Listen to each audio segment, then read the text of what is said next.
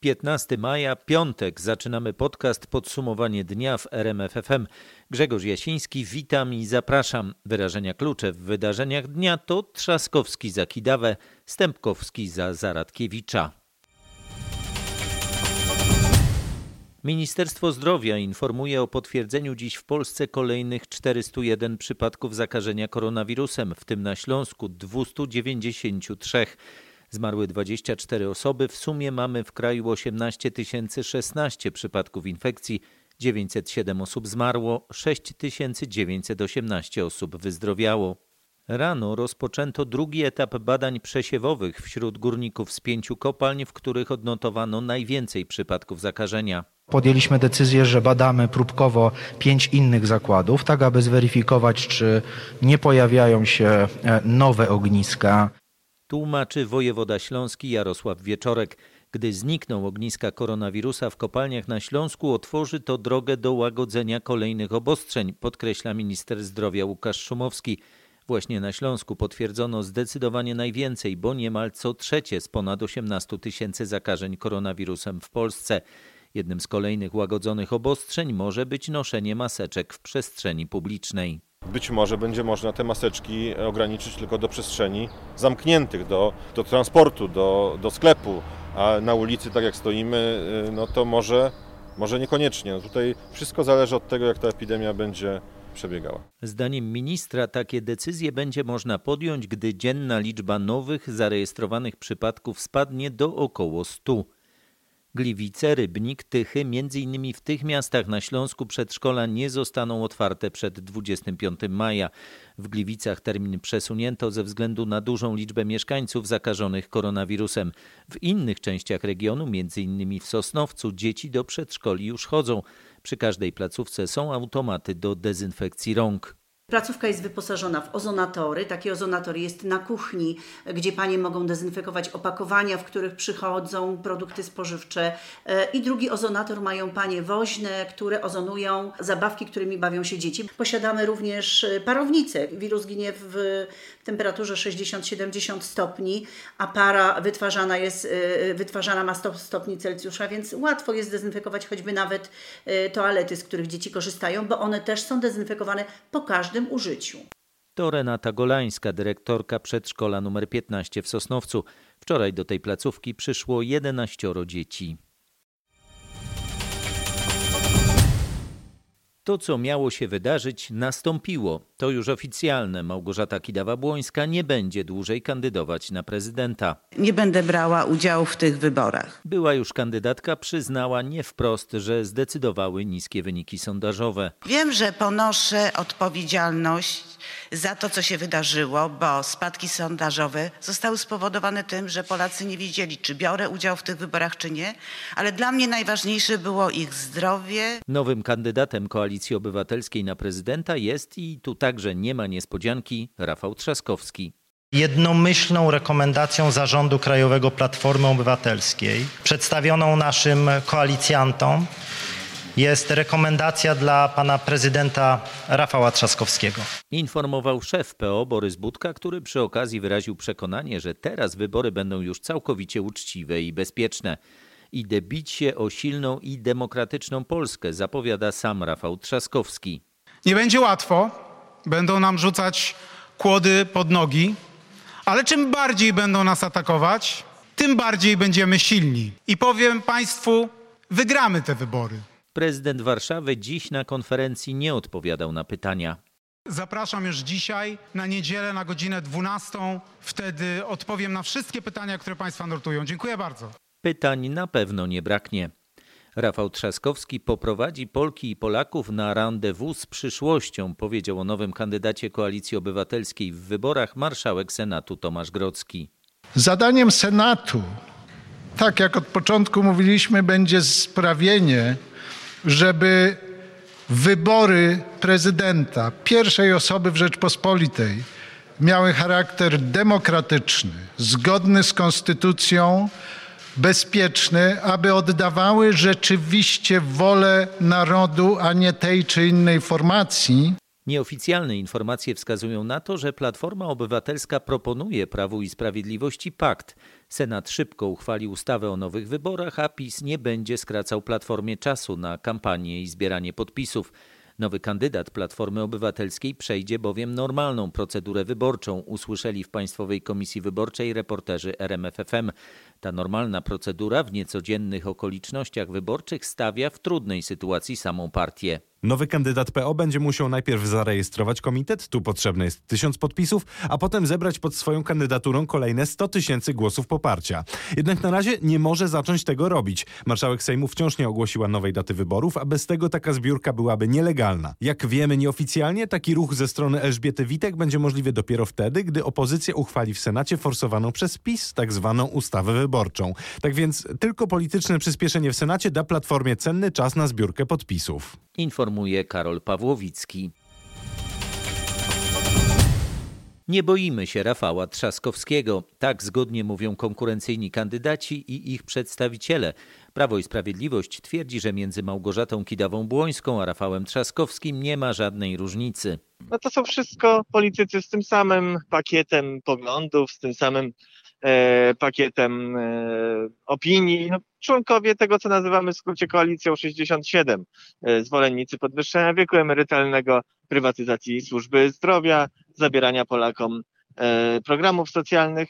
To się nie zmienia w zależności od nazwiska. Radosław Fogiel ze sztabu Andrzeja Dudy dodaje, że PiS zastanawia się, czy Trzaskowski na pewno będzie kandydatem przypadku Platformy zmieniają się jak w kalejdoskopie. Oczywiście należy się zastanawiać, czy Rafał Trzaskowski dotrwa do wyborów, czy jeżeli będzie miał kiepskie sondaże, to Platforma będzie ponownie próbowała e, storpedować przeprowadzenie wyborów. Inni konkurenci Rafała Trzaskowskiego deklarują, że cieszą się z faktu wybrania go i nie widzą w nim wielkiego zagrożenia dla siebie. Jak pan się pyta, pierwsze wrażenie, jak go widzę, no to mówię, że jest słaby. Mówi lider lewicy Włodzimierz Czarzasty i przekonuje, że Trzaskowski nie jest żadnym zagrożeniem dla Roberta Biedronia. Biedroń ma tę zaletę, że jest e, po stronie demokratycznym jedynym politykiem, który nie jest politykiem prawicowym. Krzysztof Bosak natomiast zwraca uwagę, że z Trzaskowskim da się lepiej dyskutować. Z przyjemnością będę rywalizował z Rafałem Trzaskowskim i myślę, że może być to rywalizacja bardziej zajmująca dla wyborców niż z Pojemkinową Wojską. Władysław Kosiniak-Kamysz natomiast przekonuje, że Trzaskowski ma szansę w miastach, ale w miasteczkach i na wsiach już nie. Do tego może być zbyt ostry. Nie jestem ze środowiska, które e, tak bardzo jednak jest nastawione na konflikt. E, ja bardziej łączę, buduję mosty porozumienia niż, e, niż mury podziału. Teraz wszyscy czekają na ogłoszenie wyborów, czyli oficjalny start kampanii. Nie było widać tak dużego zaangażowania Platformy Obywatelskiej w kampanię Małgorzaty Kidawy-Błońskiej, jak było w innych kampaniach. Tak Hanna Gronkiewicz-Walc komentuje w popołudniowej rozmowie w RMFFM zmianę kandydata PO na prezydenta. No myślę, że błędy były zawsze po jednej, po drugiej stronie, bo sam kandydat nigdy, sam kandydat musi mieć e, dobry sztab wokół siebie. On nie musi być e, liczny, ale musi być dobry. I zabrakło e, dobrego musi, sztabu wokół musi, Małgorzaty Kidawy-Błońskiej?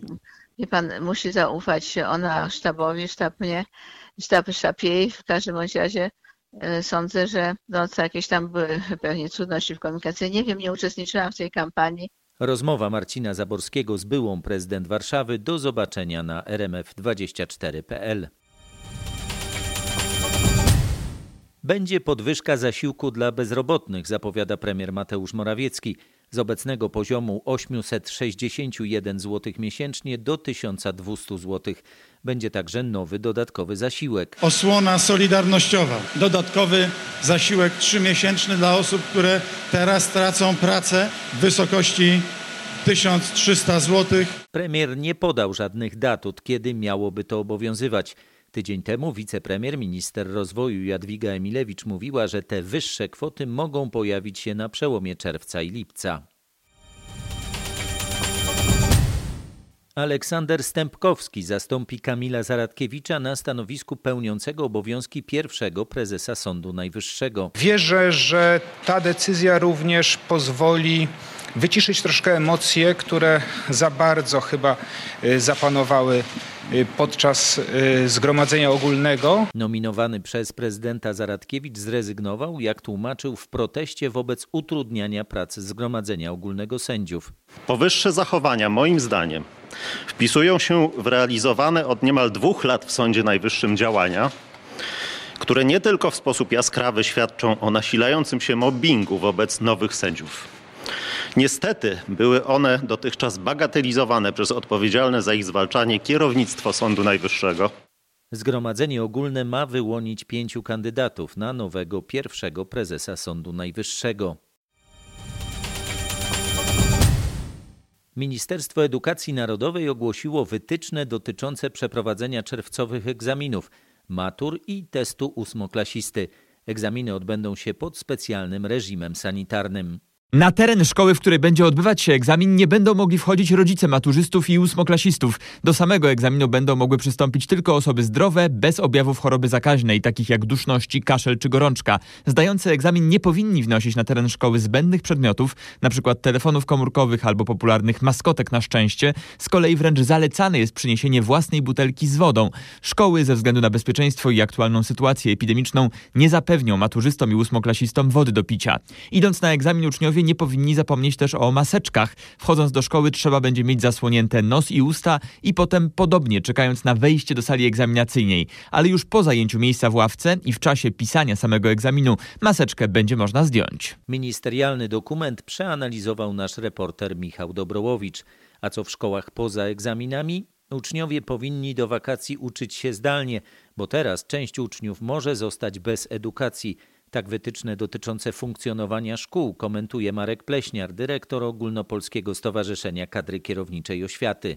Ta liczność grup oznacza, że y, szykujemy się już e, a priori na to, że co najmniej połowa uczniów nie zostanie objęta e, edukacją.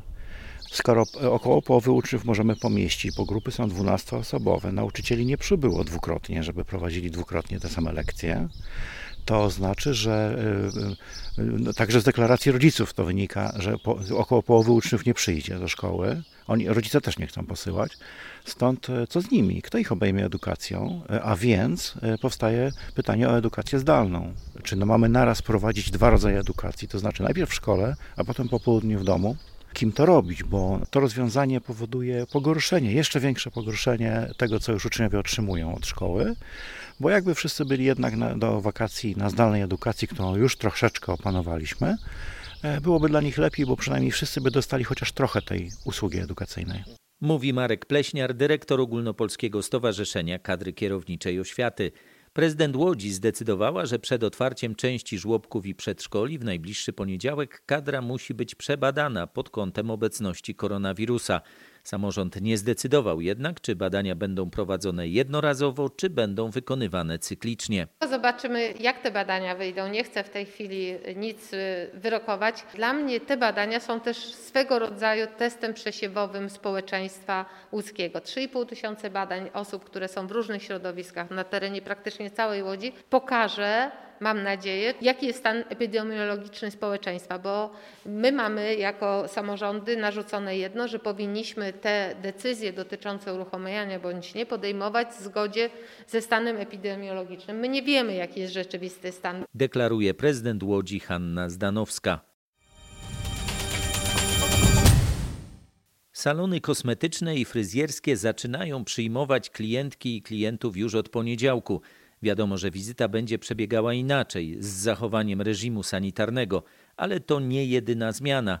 Wiele zakładów zapowiada podwyżki cen usług. Jak usłyszałam w jednym z łódzkich salonów kosmetycznych, ceny będą wyższe, bo znacząco podrożały produkty jednorazowe i środki do dezynfekcji. Teraz za opakowanie jednorazowych rękawiczek trzeba zapłacić nawet 80 zł. Przed pandemią kosztowały 17. Podobnie sytuacja wygląda z płynami do dezynfekcji. Salony inwestują też w szyby plexi czy parawany, a to dla nich dodatkowe koszty. Z tą rzeczywistością boleśnie zderzyła się pani Ewa, która za manikur miała zapłacić 25% więcej. To nie w porządku, że całość tych dodatkowych opłat jest przerzucany na klientkę. Ta opłata powinna być symboliczna. 10% usługi powiedzmy, albo 5 zł. No symboliczna kwota, wtedy nie byłoby problemu. Część salonów już opublikowała nowe cenniki, inne jeszcze ustalają, ile będą kosztować usługi. Są też miejsca, które nie podniosły cen i to one mają największą szansę na powrót stałych klientów. Informuje Magdalena Greinert. Obniżkę opłat dla właścicieli ogródków restauracyjnych, możliwość ich poszerzania i uproszczenie procedur dla przedsiębiorców zapowiedział krakowski urząd miasta. Właściciele ogródków kawiarnianych będą płacili o 20% mniej. Też jakby z klucza będziemy się zgadzali na to, żeby poszerzać ogródki kawiarniane tam, gdzie to jest oczywiście możliwe. Kolejna taka, ja bym powiedział, ulga, to najpierw właściciel ogródka uruchamia ogródek, zaczyna działać, a potem dopiero zawiera umowę z Wydziałem Postępowań Administracyjnych, tak żeby nie tracić po prostu czasu zapowiada Dariusz Nowak z krakowskiego magistratu. Za dwa tygodnie rząd chce zezwolić na otwarcie siłowni. Na otwarcie basenów prawdopodobnie trzeba będzie poczekać dłużej. Nieoficjalnie poznaliśmy najnowsze plany rządu dotyczące odmrażania gospodarki. Dlaczego baseny mają zostać otwarte później niż siłownie? Dlatego, że na basenach ciężej utrzymać zasady bezpieczeństwa. Jeżeli chodzi o siłownię, to rząd będzie chciał, żeby każdy klient przed i po użyciu sprzętu dezynfekował go, żeby było ograniczenie liczby ćwiczących osób, żeby był zachowany dystans między osobami. Zamknięte mają być prysznice, być może także szatnie. I w siłowniach da się takie zasady wprowadzić, ale na basenach to niemożliwe, zwłaszcza w akwaparkach, czyli tam, gdzie są zjeżdżalnie i brodziki dla dzieci, nie da się zapewnić utrzymania dystansu między osobami. Dlatego baseny mają zostać otwarte później, nie za dwa tygodnie tygodnie, a może dopiero za trzy albo cztery. Wszystko oczywiście zależy od rozwoju koronawirusa. Urzędnicy, z którymi rozmawiamy, twierdzą, że w związku z tym plany mogą się zmieniać. Tłumaczył Krzysztof Berenda.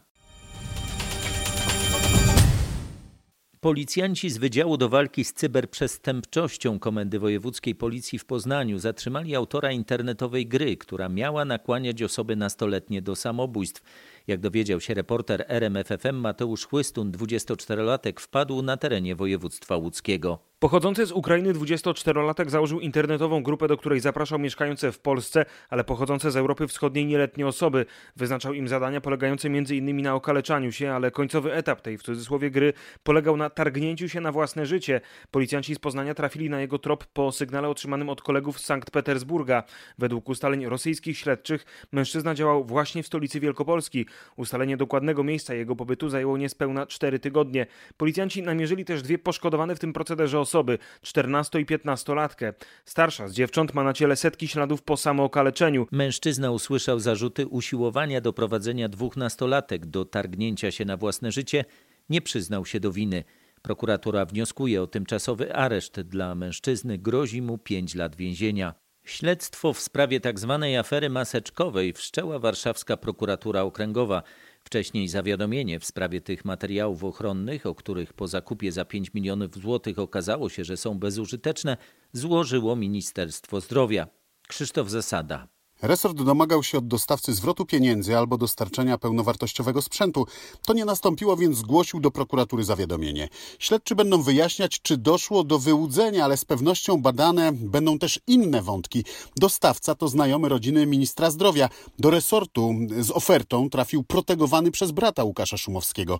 Te zależności, a także sam proces decyzyjny muszą być zbadane. Śledztwo w całości powierzono Komendzie Stołecznej Policji. A jeśli już o wadliwych maseczkach mowa, Wielka Orkiestra Świątecznej Pomocy informuje, że sprowadzone przez nią maseczki z Chin także nie spełniają norm. WOŚP zwróciła się do firmy Paramedica Polska, od której je zakupiła, o wymianę i zażądała wyjaśnienia sytuacji. Szef Komisji Wolności Obywatelskich Parlamentu Europejskiego chce zaostrzyć wobec Polski procedurę artykułu 7 Traktatu Unijnego przygotował bardzo krytyczny wobec stanu polskiej demokracji projekt raportu. Takie ma być też stanowisko całego Europarlamentu. Nasza korespondentka Katarzyna Szymańska-Borginą zdobyła ten dokument. W dokumencie jest przede wszystkim wniosek o rozszerzenie procedury artykułu 7 poza kwestie związane z sądownictwem. Autor sprawozdania chce tą procedurą objąć sprawy związane ze stanem demokracji w Polsce i prawami człowieka. Raport jest więc spisem dowodów na takie zaostrzenie procedury. Porusza na przykład kwestię braku możliwości prowadzenia w dobie pandemii równej kampanii wyborczej przez kandydatów na prezydenta, czy sprawę procedowania zaostrzenia aborcji bez możliwości organizowania protestów społecznych. Raport jeszcze w tym miesiącu zostanie przedstawiony Komisji do Spraw Wolności Obywatelskich, a po przegłosowaniu trafi pod obrady całego Parlamentu Europejskiego, prawdopodobnie zaraz po wakacjach. Rękę na pulsie faktów w Brukseli trzyma Katarzyna Szymańska-Borginą. Poniedziałek setna rocznica urodzin Jana Pawła II. Już od jutra z tej okazji w wielu polskich miastach będą odbywać się uroczystości. Te największe w Wadowicach i Krakowie, ale wszędzie głównie wirtualnie. Wielkie plany uroczystości, które miały się odbyć, pokrzyżowała nam sytuacja, którą przeżywamy wszyscy, pandemia na całym świecie. Stąd te uroczystości przynosimy do murów kościelnych w sposób szczególny. Najpierw w Wadowicach, uroczysta msza święta o 10.30 w niedzielę. Koncert, który będzie również emitowany z Pogna Papieskiego bez udziału publiczności. Oprócz tego wiele uroczystości będą e, wyświetlane, czy to w internecie, czy to właśnie w telewizji informuje ksiądz Łukasz Michalczewski z krakowskiej archidiecezji. Krakowski Teatr Komedia przygotowuje premierę online. To będzie spektakl JP2 Oczekiwane pokolenie w setną rocznicę urodzin Karola Wojtyły. Akcja rozgrywa się w teatrze, zdradza nam Anna Stasiak-Apelska. W spektaklu aktorzy często cytują naszego papieża. W ten sposób pokazujemy, jak ważna jest siła relacji międzyludzkich, jak ważna jest siła przebaczenia oraz jak łączyć pokolenia. Aktorzy zagrają w poniedziałek na żywo na zamku w Krasiczynie, a widzowie zobaczą spektakl bezpłatnie w sieci. Teatr Muzyczny w Łodzi zaprasza dzieci do ilustrowania kilkunastu bajek, takich jak Ptasie Radio, Zosia Samosia czy Samochwała – Prace konkursowe zostaną wykorzystane do wizualizacji słuchowiska, mówi Grażyna Posmykiewicz, dyrektor teatru. Słuchowisko współtworzyć będą dzieci, które biorą udział w konkursie plastycznym na prace ilustrujące wskazane przez nas bajki. Wszystkie prace posłużą nam do stworzenia wyjątkowych wizualizacji do bajkowiska. Dodatkowo laureaci konkursu otrzymają fantastyczne nagrody, m.in. teatralne gadżety. Prace do konkursu mogą zgłaszać dzieci w wieku od 5 do 12 lat. Termin 20 maja. W ten weekend miała się odbyć Noc Muzeów. Część placówek przeniosła to wydarzenie na jesień lub na przyszły rok, ale część postanowiła wziąć udział teraz, online. Jutro wieczorem Muzeum Sztuki w Łodzi zaprosi na premierowy wirtualny spacer po sali neoplastycznej, która została stworzona przez doskonałego malarza Władysława Strzemińskiego. Swoje tajemnice zdradzi online opera i Filharmonia Podlaska. Pozwoli zajrzeć za kulisy. Noc Muzeów na Zamku Królewskim w Warszawie pozwoli dać się porwać muzyce i tańcom dworskim. Wilanów najmłodszym zaproponuje kołysanki, a Muzeum Narodowe w Krakowie zaplanowało nie tylko noc, ale cały tydzień muzeów. Wszystko online, wszystko bezpłatnie. Najciekawsze propozycje wybrała nasza bardzo kulturalna dziennikarka Katarzyna Sobiechowska-Szuchta. W wieku 96 lat zmarł Henryk Jaskuła, pierwszy Polak i trzeci żeglarz na świecie, który samotnie i bez zawijania do portów okrążył ziemię jachtem Dar Przemyśla. Zakończył wyprawę 20 maja 40 lat temu. Heniek, jesteś wielki jak różowy słoń. Cała Polska na ciebie czeka. Bardzo mnie to wzrusza wszystko, powiem ci. Już więcej nie mogę mówić. Heniek, no nie mogę bracie gadać, no wielki jesteś, no, największy. Pozdrowienia od Aeroklubu Szczecińskiego. W imieniu załogi okrętu 896 kapitanowi Jaskule najlepszych życzeń z okazji szczęśliwego powrotu. Myśla tutaj Skandynawia. Witamy serdecznie naszego wielkiego żeglarza, który opłynął cały glob bez zawijania do portu. Pozdrowienia od załogi kapitana Uniwersytetu Gdańskiego, no i gratulujemy sukcesu. Dziękuję bardzo. Dziękował Henryk Jaskuła. My też dziękujemy. Trzeba było żyć w tamtych czasach, żeby wiedzieć, jak to było dla nas wtedy ważne. Wieloletni pracownik Biebrzańskiego Parku Narodowego Mariusz Siłakowski jest pełniącym obowiązki dyrektora parku. Przypominamy, w środę minister środowiska odwołał z tej funkcji Andrzeja Grygoruka. Sprawą zajmuje się nasz reporter Piotr Bułakowski. Nowy dyrektor ma zostać wyłoniony w konkursie. E, tak, potwierdził mi to minister środowiska Michał Woś. Dodał, że e, na decyzję o zwolnieniu Andrzeja Gregoruka wpływ miały wyniki kontroli przeciwpożarowej w parku i ocena jego e, pracy na stanowisku dyrektora. Pracownicy parku nie kryją, że ta decyzja jest dla nich zaskoczeniem. Andrzej Gregoruk może teraz współpracować z Radą Naukową Parku i zająć stanowisko specjalisty od ochrony przyrody. Nie wiadomo jeszcze, czy były już dyrektor przyjmie tę propozycję. W kwietniu w Biebrzańskim Parku Narodowym spłonęło 5,5 tysiąca hektarów bagiennych łąk i lasów. 15 maja imieniny Zofii to przełomowa data w ogrodnictwie. No to jest taki przełom, bo w tym okresie najczęściej przychodzą takie ostatnie wiosenne przymrozki. Po tych przymrozkach dopiero można wszystko sadzić, nic nam nie zniknie, nic nam nie przemarznie wszystko będzie rosło. Zofia to jest takie magiczne imię. W ogrodnictwie tak. Jednego dnia plus 27, drugiego dnia było plus 5. Teraz by się przydały jakieś takie wyższe temperatury, żeby można się było poopalać trochę. Usłyszał Krzysztof Kot od pracowników i klientów jednego z lubelskich centrów ogrodniczych. W podkrakowskich Mogilanach na targu warzywnym nasz reporter Marek Wiosło usłyszał z kolei, że ostatnie zimne dni mogą przełożyć się na nasze portfele. Ceny warzyw i owoców na pewno nie spadną. Przymrozki dały się we znaki uprawom najbardziej wrażliwym na skoki temperatury. Do tego dochodzi jeszcze wcześniejsza susza, między innymi na południu Polski. I wszystko to razem sprawia, że warzyw i owoców jest mniej. Proszę pana, no wszystko podrożało i cały czas drożeje. Zimne noce, górek czy pomidor, no to się nie rozwija, nie? Najgorsze są nocne przymrozki. Tak jak na jabłko czy na ten, bo to jest delikatny owoc, jak się rozwija, nie? A truskawka, no to jest kosmos. A w tej chwili kilo to teraz się płaci 25. W podkrakowskich Mogilanach kilogram jabłek kosztuje 5 zł, nowej marchewki ponad 3 zł, pomidory to średnio koszt około 7 zł. Przed weekendem ostrzegamy, jeśli planujecie wypad, na przykład nad morze, nie zapominajcie o zakrywaniu ust i nosa. To obostrzenie, które wciąż obowiązuje. Czy trójmiejscy policjanci planują jakieś dodatkowe kontrole? W Gdańsku nie będzie na przykład większej liczby policjantów. Przez cały weekend różne okolice miasta patrolować będzie około 300 funkcjonariuszy, do tego żandarmi i żołnierze WOD. Jak usłyszałem w Komendzie Miejskiej, nie ma wytycznych, by bezwzględnie karać wszystkich, ale o bezpieczeństwo trzeba jednak zadbać. I jeśli pouczenia nie będą pomagać, to wszelkie dyskusje ucinane będą właśnie mandatami. W Sopocie z kolei usłyszałem, że czas pouczeń się skończył. Jak mówiła mi Anna Dyksińska z Urzędu Miasta, Straż Miejska będzie karać mandatami na przykład za brak maseczki czy gromadzenie się w grupach. Pogoda jednak jednak y, może też zrobić swoje. Nad morzem, jak usłyszałem w Gdyńskim Biurze IMGW w ten weekend, maksymalnie 10 stopni, opady deszczu, a wiatr w porywach do 70 km na godzinę. Przestrzegał Kuba Kaługa. 20 tysięcy turystów w ostatni weekend pojawiło się na tatrzańskich szlakach.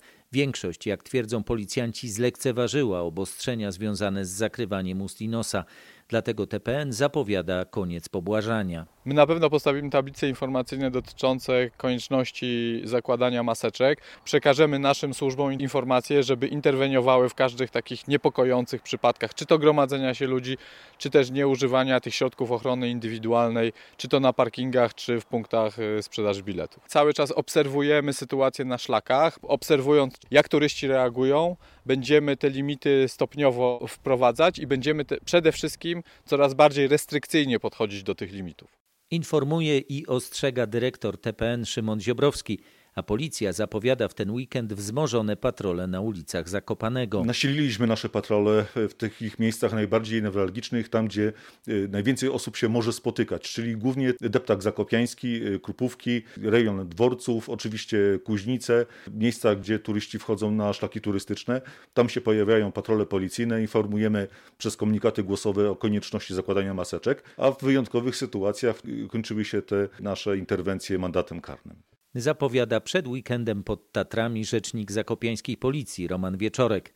Zamknięcie szlaków w Tatrach spowodowało, że zwierzęta poczuły się swobodniej. Widać było po zwierzętach, że są w tych miejscach, gdzie w latach poprzednich y, ciężko było uświadczyć w ciągu dnia, czyli blisko szlaku, na polanach blisko szlaku, pasły się jelenie do późnych godzin popołudniowych. Kozice były bliżej y, szlaków, wykoty też były kozic bardzo blisko, a nawet znam przypadek, że bezpośrednio na szlaku kociła się, więc y, to na pewno ten brak ruchu turystycznego wpłynął pozytywnie na te zwierzęta. Ile małych kozic urodziło się tej wiosny, dowiemy się w czerwcu, kiedy przeprowadzona będzie akcja liczenia tych rogatych zwierząt, które stały się symbolem Tatr.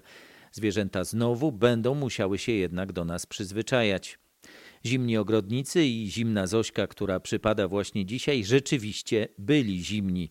Pod Tatrami temperatura spadła wyjątkowo nisko. Na Orawie było nawet minus 8 stopni, ale będzie lepiej. Średnia temperatura w naszym regionie okazała się o 5 do 8 stopni niższa niż wynika to z norm wieloletnich. A nocami temperatura wyraźnie spadała poniżej zera i spada nadal. Pojawiają się opady śniegu nie tylko w górach. Na moment pojawiła się pokrywa śnieżna także w niżej położonych miejscach. Jeszcze dzisiaj czeka nas taki zimny dzień ze sporą ilością opadów. Wysoko w Tatrach po południu, także opadów śniegu. Tam może spaść go do około 10 cm.